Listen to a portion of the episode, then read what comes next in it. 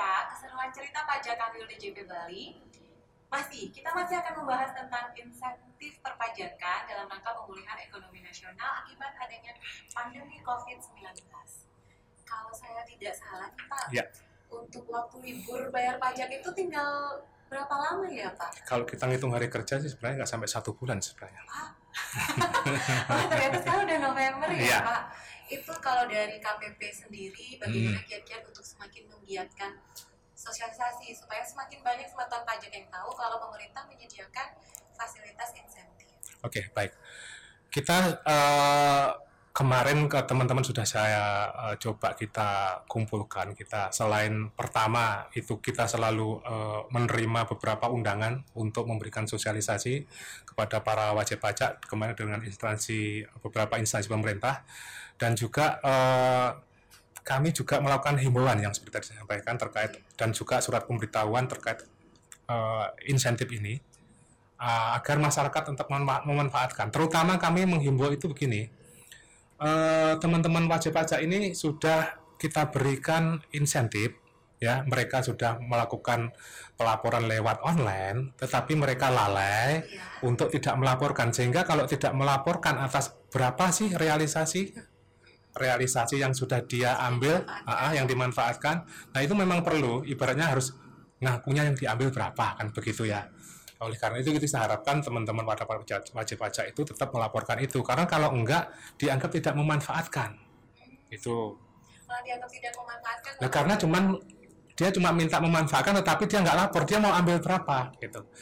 Misalkan kita juga tidak bisa nggak tahu eh, kamu misalkan berapa yang anda manfaatkan kan gitu. Makanya kita minta kepada wajib pajak di dalam minggu-minggu eh, terakhir-terakhir ini biar ini laporan ini tetap diambil supaya kita mengakui bahwa anda memang benar-benar memanfaatkan. Baik semua pajak semuanya mungkin saya sedikit menghimbau berarti Hmm, Bapak ah. untuk seluruh UMKM yang ada di wilayah Kanwil DJP Bali ataupun di wilayah negara Indonesia Hmm. lainnya bagi yang memang memanfaatkan ya. uh, fasilitas insentif pajak untuk jangan lupa lapor jangan lupa lapor berapa sih pemanfaatannya Betul. berapa untuk setiap bulannya iya ya? Mm-mm. dan realis ini kan insentif ini kan sampai masa Desember Uh, rencana aksi ke depan mungkin akan dilakukan apa Bapak? kalau untuk rencana aksi ke depan eh, pertama kita mungkin akan menggiatkan ke kunjungan kepada para wajib pajak ya Tentu saja dengan Ah, tetap menjaga Mm-mm, tetap tetap protokol menjaga kesehatan protokol ya. Terus kemudian juga mungkin kami juga akan berkunjung kepada beberapa instansi pemerintah barangkali ya. menjalin kerjasama Ha, dengan dari pemerintah.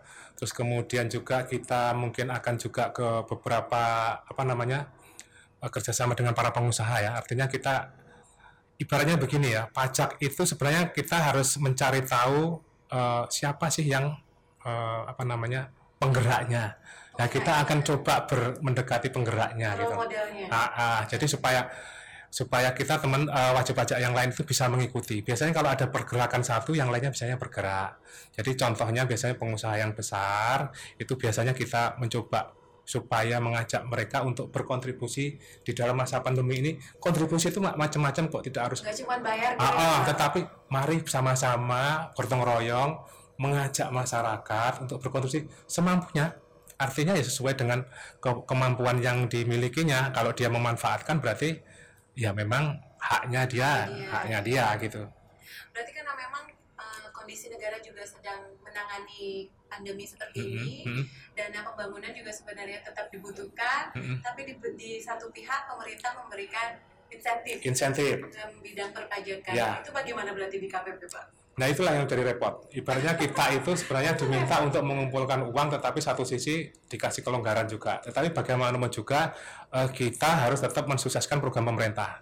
Artinya bahwa kita fair saja, eh, walaupun itu insentif yang diberikan kepada wajib pajak itu mengurangi data penerimaan pajak, tetapi itu kalau misalkan masyarakat itu mengatakan bahwa pajak yang insentif itu yang dia manfaatkan itu pun bisa dihitung sebagai eh, penerimaan negara yang sudah dimasukkan sebagai insentif berapa kan seperti itu Jadi kita tetap dapat memperkirakan untuk dapat memperkirakan nah, Berarti uh, sebenarnya memang tidak per- sangat sayang dilewatkan mm-mm. untuk memanfaatkan fasilitas yang sudah diberikan oleh pemerintah khususnya Direktorat Jenderal Pajak untuk pemanfaatan insentif ini, Bapak.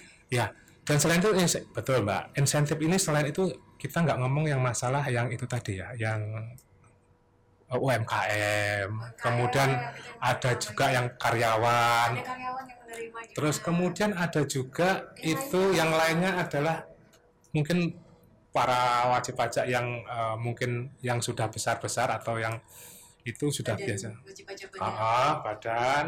Itu ada pengurangan angsuran gitu kan. Iya. Terus kemudian juga yang satu lagi itu adalah tentang restitusi yang dipercepat atau penggunaan pendahuluan.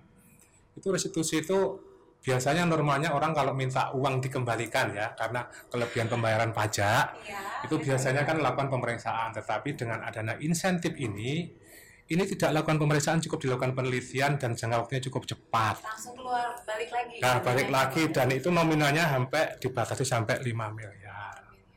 Kalau mau tanya-tanya tentang insentif ini Pak, Mm-mm. semeton pajaknya boleh datang langsung ke kantor, takut eh, ada yang nanti diawasin lagi gimana? Sebenarnya silahkan saja. Kita namanya kantor publik itu siapa pun datang pasti kita terima.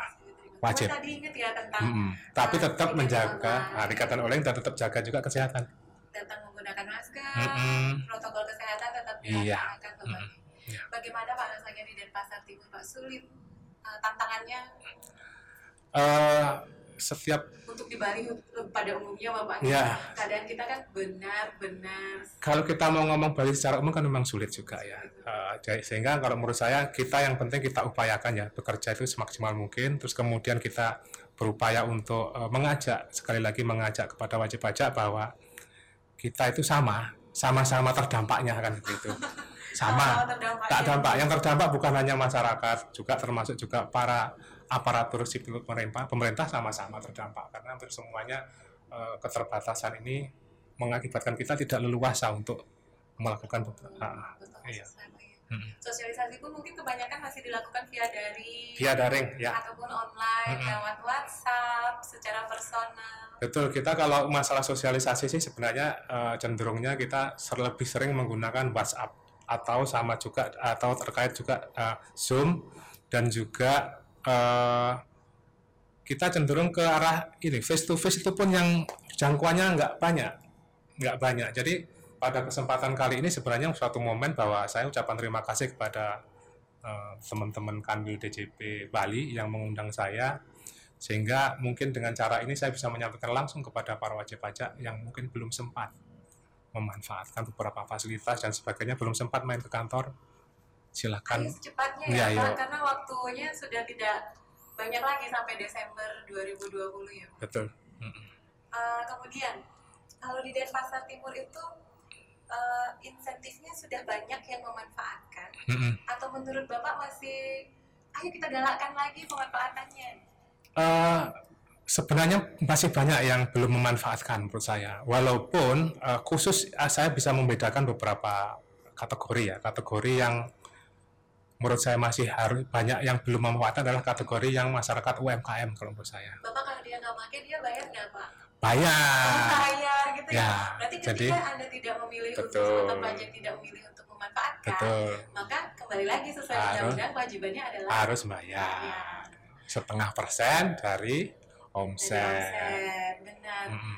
Tapi kalau memang masih mau memanfaatkan, masih ada Hmm. kesempatan dua bulan ke depan Iya, untuk bisa memanfaatkan insentif pajak khususnya tentang UMKM. UMKM. Kalau yang lain saya kira sudah lumayan yang memanfaatkan, entah itu yang PPH badannya atau atarnya yang uh, berbentuk korporasi itu rata-rata sudah memanfaatkan.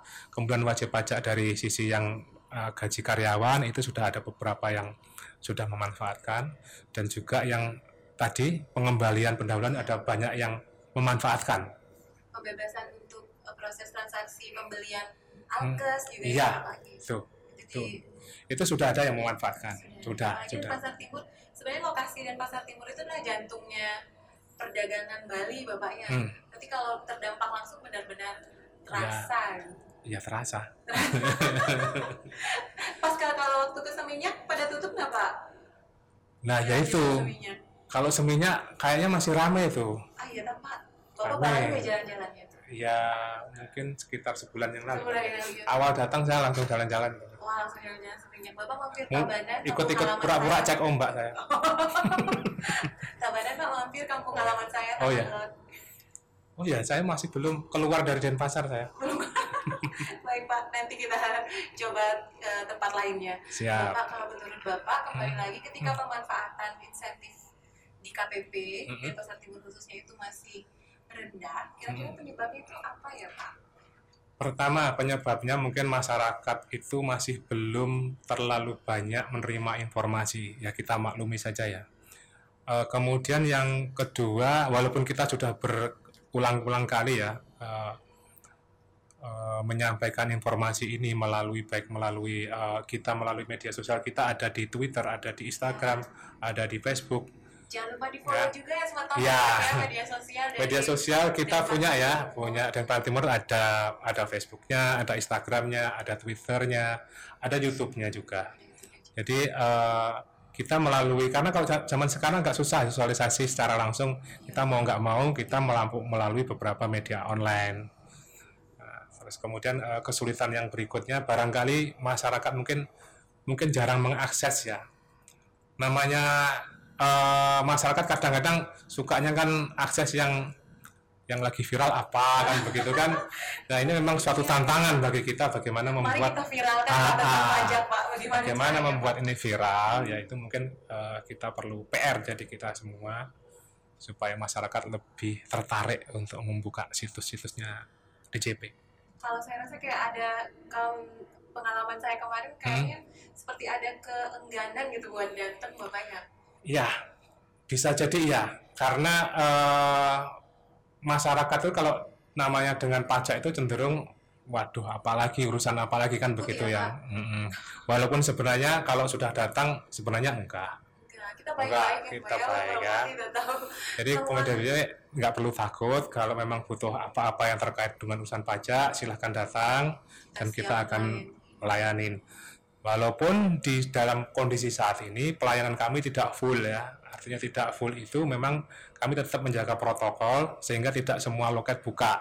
Namun demikian kami tetap melayani semua jenis layanan. Iya. Ya. Pelayanan kan kalau tidak salah bisa via WhatsApp, juga Iya. ada nomor kontak, Mm-mm.